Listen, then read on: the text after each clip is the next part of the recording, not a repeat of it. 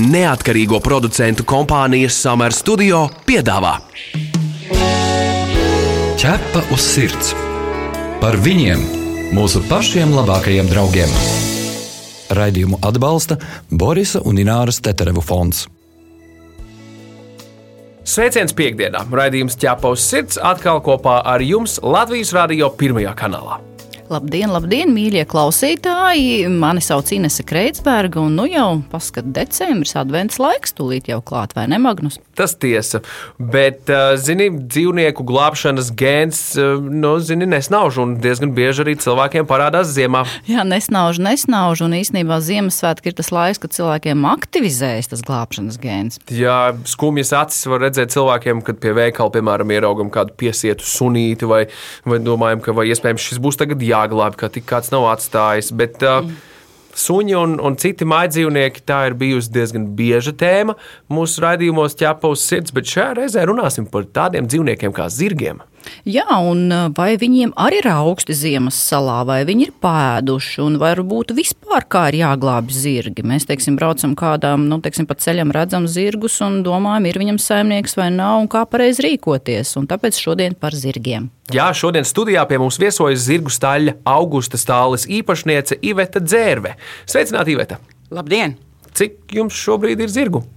Šobrīd man ir 12, un 13. nāks mājās pavasarī. O, Vas, mm -hmm. Vēlna ducis, ja, jā. Saucās. Uh, jā, bet mēs pirms uh, sākam mūsu sarunu, noklausāmies mūsu sagatavoto sižetu.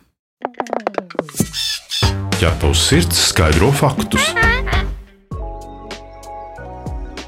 Šī gada 1. jūlijā Latvijā bija reģistrēti 8237 zirgi. Pārtikas un veterinārais dienests vidēji gadā veic no 1000 līdz 1500 zirgu labturības pārbaudēm. Speciāli šo dzīvnieku labturības pārbaudas dienestā netiek plānotas. Kad PVD darbinieki inspicē novietnes un fermas, tiek pārbaudīts arī kādos apstākļos tur mīt lauksaimniecības dzīvnieki. Tieši zirgu labturību pārbauda tad, kad saņemtas sūdzības par iespēju iespējamiem pārkāpumiem, stāsta PVD novietņu uzraudzības daļas vadītāja Rudīte Vārna. Jo cilvēki ne tikai kaimiņi, bet arī braucot pa ceļu, braucot kaut kur ciemos, redz, ka dzīvnieki ir ārā un ļoti bieži reaģē, zvana un saka, ka dzīvnieki atrodas ārā, ir augsts laiks, varbūt viņiem liekas, ka tiem dzīvniekiem nav barība vai ūdens un tā tālāk un tā tālāk. Dienas arī turot roku uz pulsa par notiekošo tādos staļļos vai saimniecībās, kas jau vairāk kārtīgi ir nonākuši inspektoru redzeslokā ar dažādiem pārkāpumiem zirgu labturībā. PVD vērtē rikšotāju labturību atbilstoši lauksaimniecības dzīvnieku vispārējām labturības prasībām, kas minētas ministru kabineta noteikumos vai nav sapītas kājas, vai nav piesiet ilgstoši, vai necieš badu, vai ir barība, vai ir ūdens, vai ir kur patvērties tiem zirgiem, ja, vai viņi nestāv ziemā salā ārā visu laiku. Vai viņiem ir stālis, kādi ir tie apstākļi, vai tas stālis ir iztīrīts, Zemkopības ministrijā atzīst, ka īpaši pēdējā laikā ir aktualizējies jautājums tieši par zirgu labturības prasībām, un ir panākta vienošanās, ka Latvijas šķirnes zirgu audzētāju asociācija iesūtīs Zemkopības ministrijai savu redzējumu normatīvā akta regulējumam par zirgu labturības prasībām. Tad tiks rīkotas diskusijas, lai lemtu, vai jāpilnveido pašreizējās lauksaimniecības dzīvnieku labturības prasības, vai jāizstrādā atsevišķs regulējums zirgu labturībai. Latvijas šķirnes zirgu audzētāju asociācijas vadītājs Guntis Rozītis uzskata, ka Latvijā zirgu audzētāji lēnām, bet tomēr arvien vairāk izglītojas un padziļināti apgūst vajadzīgās zināšanas par šo skaisto dzīvnieku audzēšanu un labturību. Daudz ir sapratuši, ka zirgam vajag daudz svaiga gaisa, un lielākoties jau tagad zirga audzētāji to zirgus tomēr daudz tur svaigā gaisā. Bet uh, nedaudz atkal tāda problēma, kuru varbūt tās, nu, vismaz es neesmu sevišķi apmierināts, ka to zirgus briesmīgi sēdz ar segām. Zirgkopības speciālists atzīst, ka salīdzinoši ar nesenu pagātni, mūsdienās zirgi nonākuši vairāk jauniešu aizbildniecībā. Mēs gan tā daļai sakam, tas zirgs ir pārgājis. Nu, es pat varbūt tā teiktu, nesevišķi korekti, varbūt būtu tā, nu, tāda meitenīša pārziņā. Jo, jo tie bērni ir tie, kam tas dzīvnieks patīk. Un tad viņi ir tie, kas iesaista savu ģimeni, savus vecākus. Un noslēdzās viss ar to, ka nu, man vajag pašam savu zirgu tad es varu rīkoties kā ar savu īpašumu, bet ja es nodarbojos tur kaut kādos klubos un tā tālāk, tad tur, protams, nosaka tas klubs, kādu to zirgu izmantot. Šogad Latvijas šķirnes zirgkopība atzīmē simts gadu jubileju. Mūsu valstī šobrīd darbojas trīs Eiropas subsidētas programmas, kas paredzētas Latvijas zirgu šķirņu saglabāšanai lai mums viss tā zirgkopība neaizvirzītos vienā virzienā tikai sporta zirga audzēšanā. Mēs viņus vēl saucam par ģenētisko resursu saglabāšanu. Tās īpatnības katrai nācijai, lai ir nedaudz atšķirīgi tie zirgi. Nav tā, ka visa Eiropa audzē vienu sporta zirgu. Lai arī tagad Latvijā galvenokārt zirgus izmanto jātnieku sportā, šur tur vēl laukos varot redzēt, ka zirgs var būt arī uzticams palīgs dažādos darbos. Es principāli savā ģimenē saku, kartupelim pavisam cita garša ir. Ja es viņu, viņus apkopju vai izdzenu vagas vai aizaru vagas ar zirgu. Un lieku savai ģimenei patīk, cik meitai te ir sporta zirgi, tad jūdzam vienu sporta zirgu spīļarklā un aizvagojam dārzeņā kartupeļu vagas ar zirgu. Lai tas tā būtu nedaudz varbūt etnogrāfiski vai, vai varbūt, varbūt arī nedaudz uzspēlēti pat. Ķerpaus sirds diskutē. Iveta, saki, lūdzu, cik populārs zirgs šobrīd ir kā mājdzīvnieks? Mēs esam runājuši ar zoo ekspertiem, un viņi saka, ka zoo veikalos cilvēki šobrīd pērk visu bez maz kas kustās. Vai to arī var attiecināt uz zirgiem? Man ir aizdoms, ka to var attiecināt arī uz zirgiem. Visādā ziņā tas, ko es redzu dažādās sociālo tīklu, tā saucamajās zirgu grupās, ka interesējas par zirgu iegādi. Runājis es esmu ar, ar dažādiem cilvēkiem, kuri tirgo zirgus un kuri saka, jā, ka šobrīd pēdējo divu gadu laikā zirgi ir samērā pat liels deficīts. Nopirkt labu zirgu ir problēmas. Bet ar ko tas saistīts? Cilvēki vēlas svaigā gaisā pavadīt vairāk vai meklē izmisīgi kādu, kas viņu depresijā ārstētu. Kā tev liekas, kas ir patiesais iemesls? Es domāju, tā, ka viens no iemesliem ir, man patīk zirgi. Tā cilvēks domā. Jā. Es vēlos sev zirgu, es vēlos sev zirgu iegādāties. Uh, Un es pērku zirgu ļoti elementāri. Ja? Man vienkārši patīk, un es gribu. Protams, mēs šajā gadījumā nerunājam par tiem cilvēkiem, kas nodarbojas ar sportu, jāšanas, jā, un kuriem ir pavisam citi mērķi zirga iegādē. Kas būtu jāsaprot cilvēkam, ja viņš vēlas zirgu? Piemēram, par suņiem skaidrs, iesaka staigāt patvērsmes suņus lietū, sniegā, lai saprastu, ka tas būs jādara visos laika apstākļos. Un tad bieži cilvēkiem vēlme pēc suņa pāriet. Kas ir labi? Jā, tas ir ļoti labi. Bet kā pārbaudīt, vai cilvēks ir gatavs zirgam?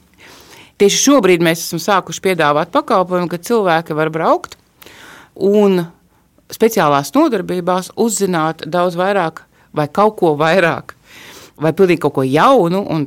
Tā ir ļoti bieži, ka cilvēks atbrauc pie mums un uzzina par zirgu psiholoģiju. Par to, kādos apstākļos vai kā pareizi būtu zirgu turēt, un kas zirgam ir vajadzīgs, kas ir nepieciešams zirga labturībai. Lūk, un tad tieši bija pēdējais gadījums, kad pie mums bija cilvēks, kurš vēlējās sev iegādāties zirgu, un pēc šīs nodarbības saprata, ka nē, viņa nav gatava šobrīd zirgam. Bet kāpēc? Precīzāk? Nav gatava pirmkārt, tāpēc, ka viņa gribēja sev vienu zirgu savā mājā, savā lauka saimniecībā turēt. Un Eh, redz, šī ir tieši tēma, par kuru ļoti maz Latvijā runā. Par to, ka zirgs ir bara dzīvnieks. Un zirgam, lai viņš justos laimīgs, viņam ir nepieciešami vēl citi zirgi. Viņam ir nepieciešams bars. Un viens zirgs ir principā labturības, zirgu labturības pārkāpums. Latvijā ir problēma tāda, ka Latvijā nav labturības noteikumu zirgiem.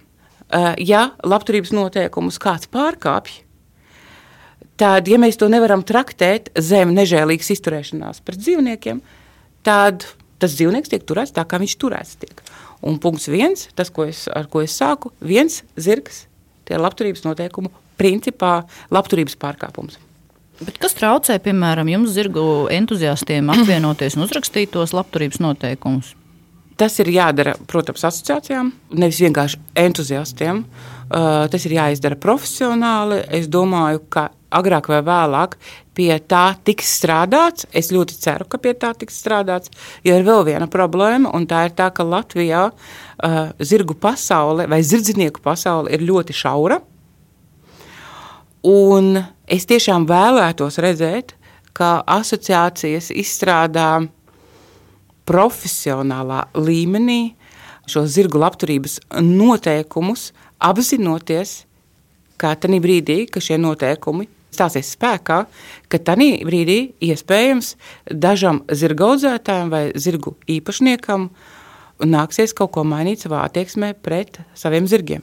Bet kas jau šobrīd, tavuprāt, tiek jau pārkāpts? Nu, piemēram, kas ir tie signāli, kas būtu jāņem vērā? Nu, tātad, piemēram, tur varbūt vienu zirgu, neņemot vērā, ka tas ir bārs. Ko vēl tavuprāt, un ko tu esi novērojis, kur ir jau tie rupie pārkāpumi? Mm -hmm. Es domāju, ka Latvijā pārāk maz mēs runājam piemēram, par tiem pašiem ērzeļiem. Es nerunāju tikai par zirgu audzētavām, es domāju arī par cilvēkiem, kuri tur zirgus, ērzeļus kuriem ir nepieciešami pavisam citādi turēšanas apstākļi, kā piemēram zirgam parastiem, ja mēs runājam par piemēram ķēvēm vai kastrātiem. Ja.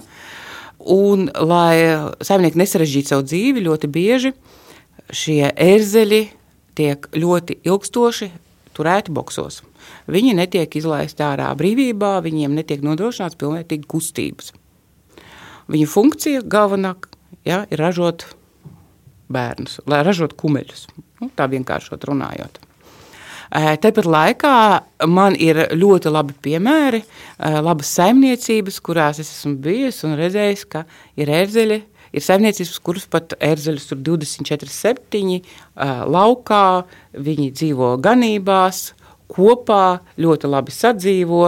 Un viņiem tiek nodrošināta ļoti laba apstākļa. Viņiem tiek nodrošināta gan šīs ikdienas kustības, jā, gan droša vide. Man jautājums par to, ko es kā cilvēks varu darīt mirklī, ja es redzu, ka kādam zirgam ir problēmas vai ciešanas, un kā to var novērot. Jo ir tas teiciens, ka tā sajūta, ka zirgs taču cieši klusējot. Jā, tieši to es gribēju teikt. Kā nezinātājs cilvēks, kurš nepārzina zirgu psiholoģiju, noteikti, ka zirgs jūtas slikti, ka viņam ir diskomforts kaut kāds. Tāpēc, ka zirgs neizrāda savu diskomfortu, savas sāpes. Ja? Viņš nesmilkst kā suns, neņauda kā kaķis. Ja? Ir taisnība, ka viņš sakož zobus, tā kā nu, ja cieš sāpes. Kad, Es neesmu neko tādu novērojis pēc saviem zirgiem, ka viņi sakož zobus. Zirgs ir bara dzīvnieks. Ko tas nozīmē? Tas nozīmē, lai mani kā zirgu nenogalinātu, ja, vai es nekļūtu šeit, es neparādītu, ka es šajā barā esmu vājākais posms, es neizrādu savas sāpes lai es nekļūtu tas, nu, nebūtu šis potenciālais upuris. Jā. Ja? Kā medījums, viņš ir medījums, bara dzīvnieks, medījums sākotnēji bijis, ja? kurš tika medīts. Un kā potenciāls medījums, kā potenciāls upuris, es nedrīkstu parādīt savu diskomfortu vai savas sāpes. Un cilvēks parastais, viņam ir ļoti sarežģīti, nezinot uh, zirga psiholoģiju, noteikt, vai zirgam šobrīd sāp vai nesāp, vai viņam ir kaut kāds diskomforts vai nav diskomforts. Zirgs mierīgi stāv. Un nu, neko kā, nesaka. Nu jā, kā tomēr cilvēkam? Kā var noteikt? Mēs varam noteikt, piemēram, pirmkārt, protams, ja mēs redzam jau acīm redzamus ievainojumus, ja mēs redzam acīm redzamu klibumu, un ja mēs redzam, ka zirgs ilgstoši stāv bez dzeramā ūdens, Ja mēs redzam, ka zirgs, piemēram, ilgstoši stāv kaut kādā uh, aplokā, smilšainā, bez, bez siena un bez zāles, uh, vai, piemēram, ilgstoši guļ zemē, smagi elso un guļ, bet tas nevis tā kā pusstundu guļ, bet, nu, piemēram, tur trīs stundas un neceļās kājās. Ja? Tās ir lietas, kam mums vajadzētu pievērst uzreiz uzmanību. Bet tad nu uzreiz ir jautājums, kā reaģē mūsu atbildīgā institūcija, pārtiks veterinārais dienests, vai ir kāds pozitīvs gadījums, ka šī atbildīgā institūcija ir noreaģējusi? Es uz šo jautājumu nevaru atbildēt, tāpēc ka es esmu staļļa īpašnieks, pie kura nebrauc, ja, un kurš, kurš nenodarbojās ar, ar, ar zirgu glābšanu. Tādu. Bet kā reaģē, es domāju, ka reaģē tanīs gadījumos, ir klaji pārkāpumi un ir šī konstatēta nežēlīgā izturēšanās pret zirgu. Tāpat laikā ir ļoti grūti reaģēt PVD, es domāju. Tāpēc, ka pirmkārt nav šo labturības noteikumu. Tā nav ko pārbaudīt. Nav ko ķeksītim, pārbaudīt. jā, nav. nav. Nav ko pārbaudīt. Uh, jo, ja PVD, piemēram, atbrauc un redz, ka zirgi ir badināti, viņiem nav ūdens, uh, viņi ir izkāmējuši, tur, tur ribas spiežās cauri, viņiem nav sienas, ja, uh, viņiem ir kājas sprēgās vai savainotas. Okay, to mēs varam definēt kā nežēlīgu izturēšanos, un tie zirgi ir izņemami.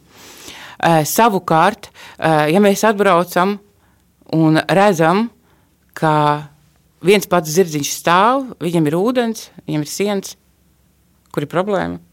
Viss notiek, zirgs ir nosacīti, laimīgs. Tā ir viena problēma. Otra, cik es esmu interesējusies, ka, ok, ja mums tagad ir šie labturības noteikumi, kas notiek tālāk, kad mēs konstatējam klajus labturības pārkāpumus? Viens mēs varam brīdināt, acīm redzot, to saimnieku, uzlabot šo situāciju, bet otrs, kas tālāk, ja šis saimnieks neko nedara. Nav nekāda izņemšanas funkcija, vai ne? Es Kur izņemt? Nav kur izņemt. Jā, nav patvērsmes, kur nogādāt. Ja? Es zinu, ka eh, man te eh, ir kaut kāda viena vieta, laikam, uz kurien šo, daži šie zirgi tiek vesti, bet arī tur, cik es zinu, nav šādi apstākļi, lai, piemēram, uz turieni vienā dienā aizvestu desmitiem zirgu. Ja? Vai, vai gadā viņiem var, viņi varētu nodrošināt tādu pietiekami nopietnu apriti ar, ar, ar šādiem izņemtajiem zirgiem. Tas, ko es parasti esmu dzirdējis, ka tie dzīvnieku glābēji, zirgu glābēji šos dzīvniekus vienkārši atpērk no tiem saimniekiem. Jā, arī es esmu atpirkusi dažus zirgus, jā, tādā veidā, ka lai uh, šis zirgs, kā es vīram smējos, viņš uz maniem skatījās tādām acīm, ka es sapratu, ka man viņš ir jānopērk. Un tā dažs zirgs ir, ir, ir pie mums nonācis. Bet mēs arī esam sapratuši, ka pasauli un visus zirgus mēs neizglābsim, un mums tās vietas stāvī ir tik daudz, cik ir. Un līdz ar to ar šādu labdarību mēs tālāk nespējam nodarboties. Ja? Bet šai ir jābūt arī asociāciju un gal galā valsts atbildībai un, un pienākumam. Īveta noteikti ar zirgu draugiem daž- dažādās zirgu Facebook grupās un visādās citās vietās, kur notiek komunikācija. Jūs esat runājuši arī par pašiem cilvēkiem, kas ne labi izturas pret, pret dzīvniekiem. Vai, vai ir zināma motivācija, kāpēc viņi pret tik lieliem cēliem, majestātiskiem dzīvniekiem šādi izturās? Noved viņus līdz, līdz, jā, līdz fiziskām sāpēm vai, vai kā Es citādi? domāju, ka visbiežākais iemesls ir finansiāls trūkums. Un cilvēkam vienkārši nav Nav naudas, naudas. un tu nevari atļauties. Jā. Es ļoti bieži esmu dzirdējusi uh, atrunu, kāpēc netiek kopti, piemēram, nagi. Jums ir daudz zirga, kāpēc, nu, ma, un atbildi ir, man ir daudz zirgu, man nepietiek naudas, lai visiem uh, nagi tiktu sakopti. Ja? Bet tad jau nu, ideālā pasaulē tehniski, ja tev nepietiek naudas kaut kam, tad tu no tā kaut kā Jā. atsakies. Tas ir ideālajā pasaulē. Bet vai nebūtu ideālā pasaulē tā, ka vispār saprast, ka mājdzīvnieks, suns, kaķis vai zirgs eh, vispār ir ekskluzīva lieta un cilvēkiem nevajadzētu viņus iegādāties, ja viņiem nav pietiekami daudz līdzekļu? Tas nav obligāti, ka cilvēkam vajag suni, kaķi vai zirgu. Jā, un uh, pirmkārt, es pilnīgi tev piekrītu, ka ne visiem cilvēkiem vajag iegādāties suni, kaķi vai zirgu. Un uh, zirgs šai ziņā ir gan ekskluzīvs, gan arī ļoti dārgs prieks, uh, jo zirga veterinārija ir ļoti dārga. Jā, par to Zirga arī nākamais jautājums patiesībā. Kā Jā. Latvijā ar to ir ar zirga veterinārā arī? Tūlīt es atbildēšu. Zirga ārstēšana ir ļoti dārga, zirga uzturēšana ir dārga. Bet ciparos varbūt var pateikt, nu gadā vidēji, piemēram, un ja ja zirgs saslimst. Nu, lai cilvēks saprotu, Nu, ir ciparus. dažādas slimības, tas var būt no uh, vidēji. Ja man zirgs neslimo, un viss ir viss kārtībā, un ja mēs runājam tikai kategorijās, pieņemsim tur zobu apvīlēšanu, es tagad ieeju tādās jau detaļās, ja, tad vidēji varētu būt tie līdz kaut kādiem 300 eiro aiziet gadā. Līdz tūkstošiem, ja ir nopietnākas saslimšanas. Tie mazākā summa ir tādā gadījumā, ja viss ir ļoti labi un viss ir ļoti mierīgi. Tas nozīmē, ka tu esi Bet tā ir tikai visu. veterinārija. Vēl skaitam, zirgs ir kaut kur jātur, un ne jau visiem, kuri nopērk zirgu. Tie ir mazi maksa. Tātad ir pansijas maksa par vietu, kur zirgs stāvēs. Vidēji tie ir 200 eiro šobrīd, ja mēs runājam Rīgas teritorijā mēnesī. Tad ir uh, visas minerālu vielas un tā tālāk, nu, kas ir zirgam tur nepieciešamas, ja? kopšanas līdzekļi un tā. Tie ir tūkstošiem, tūkstošiem eiro gadā. Atgādinām, ka pie mums studijā šodien ir Iveta Dzērve. Mēs diskutējam par zirgu labturību. Un, protams, šo radio raidījumu jūs varat dzirdēt arī populārākajās straumēšanas vietnēs, podkāstu formā, kā arī Latvijas radio arhīvā. Visur kopā - ķepus sirds. Aktuāla tēma joprojām ir dzīvnieku pārbarošana, Ivet, vai, vai tev ir kas sakāms par, par šo un zirgiem? Jo mans jautājums gaužām vienkārši, cik bieži sastopama vēlme cilvēkiem barot ir svešu zirgu, un vai vispār tā drīkst darīt? O jā, šī ir problēma, ar kuru cīnāmies mēs, un cīnās neviens viens zirdzinieks, kuriem zirgi ganās pļavās, ganībās, ceļa malās. Jā, uz, arī- viņiem uzbruk ar ā, burkāniem un cukurgraudiņiem. Un āboliem. Oi, ar visu pēc kārtas, cukurgraudiņi, āboli, kartupeļi, maize, baltamaize, būciņas. Nu, Tu visu. savu zirgu mieli, mierīgi ļauj, lai viņš tur ganās, un viņu, viņu vienkārši to Nē, man ir visur saliktas zīmes, ka nedrīkst pie maniem zirgiem nākt. Tas jau nekas, tu taču zi- neviens zina, Ē, atturējis cilvēks. Uh, jā, un mēs, mēs samērā vērojam. Nu, mums, paldies Dievam, mums ir tā, ka mums ir tikai šobrīd ārmalā vienas ganības, un uh, mūsu rajonā dzīvo samērā saprātīgi cilvēki. Ja? Bet mums ir bijusi problēma, ka es atnāku uz ganībām, un izrādās, ka man tur ir kaudzēs sabērtas veci kartupeļi, kāposti, burkāni, nu, viss iespējamais, kas mājās palicis pāri, acīm redzot, sab sabērts maniem zirgiem. Un, protams, viņi pilnām mutēm tur mielojās. Man ir sirds papēžos, visi zirgi stāvīja uz vērošanu veselu dienu, vai nesākās kādas problēmas. Jo zirgs nav cūka. Nu, jā. ļoti vienkārši atbildēt. Viņam ir nepieciešama zāle un siens. Un savukārt saimnieks noteiks, vai viņam nepieciešams burkāns vai ābols un cik daudz. Garām gājējs to nezina, un viņam nav tiesību barot svešu zirgu. Jo nav tas var notikt. tiesību. Tāpēc, ka zirgam var rasties dažādas veselības problēmas. Pat nopietnākā ir tieši šīs kolikas vai vēdera sāpes, kuras pārsvarā gadījumu notiek tieši tāpēc, ka cilvēki ir parūpējušies par zirga barošanu. Pagājušajā gadā manai paziņai izmaksāja ļoti dārgi emocionāli un finansiāli sava zirga glābšana, tāpēc ka cilvēki bija par šo zirgu pēdiņās parūpējušies, sabarojot baltmaizes klaipus. Zirgam tas var būt nāvējoši. Zirgs izdzīvoja. Šajā gadījumā zirgs izdzīvoja.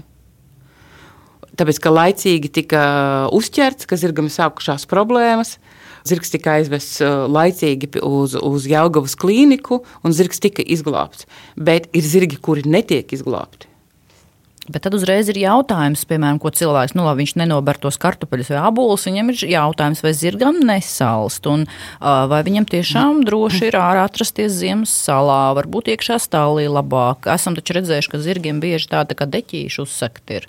Tā, tas tā kā apģērbs viņiem, nu, kā vispār zirgiem salst vai nē? Ar zirgiem ir tas paradoks, ka viņu kritiskā temperatūra, kad viņi jūtās diskomfortā, ir nevis mīnusi, bet plusi. Ja ir plus, sāk plus 20, 23 grādiem, zirgam šī temperatūra ir kritiska vasaras laikā, un viņš sāk justies slikti. Ja, viņš tā ir būvēts, ka viņš sāk justies slikti. Savukārt augsts laiks, zirgs sāk palikt enerģiskāks, un viņš jūtas ļoti, ļoti labi un ļoti komfortabli. Ar sagām parasti sēdz vecus zirgus, slimus zirgus un skūtos zirgus. Ja, skūtos, kas ir sportā, viņi ir noskūti, viņu šī dabiskā aizsardzība līdz ar to ir pazudusi, un tāpēc viņus sēdz. Man zirgi stāv gandrīz, mūsu zirgiem ir, protams, ļoti ekskluzīva apstākļi, kā mēs ar vīru smejamies, jo viņiem ir labas, ērtas, siltas nojumes ārā. Viņi var ieiet iekšā, kad viņi vēlas nojumēs. Uh, viņi 24-7 stāv ļoti lielās ganībās, un, ja viņiem nepatīk kaut kas, viņi aiziet noemēs. Un tas, ko mēs esam ievērojuši, augstā laikā, tas faktiski nenotiek. Viņiem nav nepieciešamība paslēpties noemē. Bet viņam ir nepieciešama paslēpties noemē. Tad, kad ir karsts, tad gan viņi tur pazūd. Runājot par uh, cilvēciskām galējībām, tāds termins pāraprūpe arī gan jau, ka Iveta ir dzirdēts, vai var pastāstīt par zirga pāraprūpi, kas tas ir un vai tas ir tā, kad saimnieki pārcilvēcisko savu dzīvnieku un, un, un iedod viņam varbūt vairāk nekā vajadzētu. Jā, jā, es pati esmu savulaik, kad es esmu iegādājusies pirmo zirgu, šajā bedrē iekritusi, kad man likās, ka nu, manam zirdziņam vajag visu. Manam zirdziņam vajag visu, un, un tādu vitamīniņu, un tādu muslīti, un tādu pulverīti, un sedziņu. Un, un tā tālāk. Ja? Tā ir tā nezināšana. Un jautājums ir, vai mēs tādi nezinoši paliekam un iespējams pat kaut ko kompensējam, kādu trūkumu ar savu zirgu. Vai mēs izglītojamies un saprotam, ka zirgam vajag to, ko zirgam vajag. Ja? Viņš ir zirgs, un zirgam ir zirga vajadzības. Tieši tāpat kā suns. Ja, nu, kā cilvēki pārcilvēcisko zirgu? Un, nu, pārcilvēcisko tieši šādā veidā, ka viņam liekas, ka ja ārā ir mīnus 3 grādi, un viņam, viņš uzvelk jaku, arī zirgam vajag šo jaku. Ja. Kā zirgs taču ir liels, tad viņam ir daudz jēda. Nu, tad es grūžu tās auzas vai to spēkbarību, ja, tur, tur kā, nu, kādu, nu, kurš nu, kilogramiem iekšā. Ja. Zirgs ir piekusis. Nu, viņš tik daudz staigā ārā, nu, viņš ir piekusis. Labāk, lai viņš arī boxā stāv. Ja? Un viņam jau nekas nenotiks. Viņam jau būs tikai labāk, ka viņš arī boxā stāvēs tur 12 stundas, plus es viņam to spēkbarību, tur vairākus kilogramus iedošu, plus es viņu sasekšu, ka viņš ies ārā satuntuļos, nu, lai tak nenosalstu. Un, un, nu, mēram, cilvēki zina labāk paši. Ja, cilvēks vajag. orientējas pēc sevis. Ja? Un mūsu dienās es vēl par to brīnos, jo ir tik daudz pieejama informācija, ir tik daudz ko var uzzināt par zirgu prasībām un vajadzībām, ka tas jau robežojās uz tādas bezatbildības uh, robežas. Ja? Runājot par jēdzienu bars, vai tu mums visiem vari lūdzu izskaidrot, no, no cik daudz zirgiem sākas bars? No trīs zirgiem sākas bars. Ir, protams, versijas, ka no diviem, bet divi nav bars. Ir trīs zirgi, sākas bars. Tajā brīdī tā labturības principā sākas šeit. Ja, ja tu vēlies savā sētā, savā lauku saimniecībā turēt zirgu, tad, kā es saku, nu, sāc ar trījiem uzreiz. Sāc ar trījiem. Nu, vai sāc ar vienu un divi poniju, arī tas ir bars. Iveta, vai tu vari mums izstāstīt, kas tev pašai zirgos patīk ļoti, nu, tas īpašais. Vai varbūt kāda emocija, ko nevar iegūt ne no viena cita dzīvnieka, ne arī cits kāds tuvais cilvēks spēj sniegt. Kas tev ir tas visīpašākais zirgos? Es nemāku to definēt. Nu, pamēģini, tomēr ne jau visiem ir tā kaislība pret teiksim, zirgiem. Citiem patīk papagaļi, citiem patīk čūskas, bet kāpēc tev tieši zirgi ir tādi? Es tuvāk? nezinu, man no agras, agras bērnības es vienmēr esmu zinājis, ka man būs zirgi. Es jau, kad man bija aptuveni kādi gadi, seši, septiņi, zināju, ka man, ir, man būs balts zirgs. Man ir divi balti zirgi šobrīd. Un... À, tu tieši gribēji baltu zirgu, nevis princi. Ja? Citas grib princi un uz zirga. Princis, laikam, ne, nē, man princis nebija aktuāls, man bija zirgs aktuāls. Un... Bet dabūji zirgu un pēc tam princi arī. Starp citu, jā, princi, kurš šobrīd ļoti, ļoti dziļi uh, zirgos un bez kura es uh, nespēju iedomāties to mūsu saimniecības vadīšanu. Un, jā, tur tam es piekrītu. Princis nāca ar gadiem man nav tāda viena teikuma, kas ir tā galvenā zirgu stīga, kāpēc man zirgi ir. Es zinu, ka bez zirgiem es savu dzīvi īsti nespēju iedomāties. Nu, arī tas ir daudz. Lūk, tā. Paldies, Iveta, par to, kā atnāci šodien pie mums. Par zirgiem jau tā tēma ir plaša, plaša, bet nu mazliet mēs paspējām iezīmēt. Tu esi mans draugs, ķepus sirds. Savukārt, nākamajā raidījumā mēs runāsim par ielas kaķiem. Jā, kā viņus izglābt, un vai visiem ielas kaķiem ir vajadzīgas mājas, ja arī viņi var dzīvot uz ielas, un ko dara nepareizi varbūt tie glābēji. Par to mēs visu runāsim nākamajā nedēļā. Savukārt šajā reizē tas ir arī viss. Raidījumu veido neatkarīgo producentu kompānija Summer Studio. Visu labu! Atā! Ķepa uz sirds.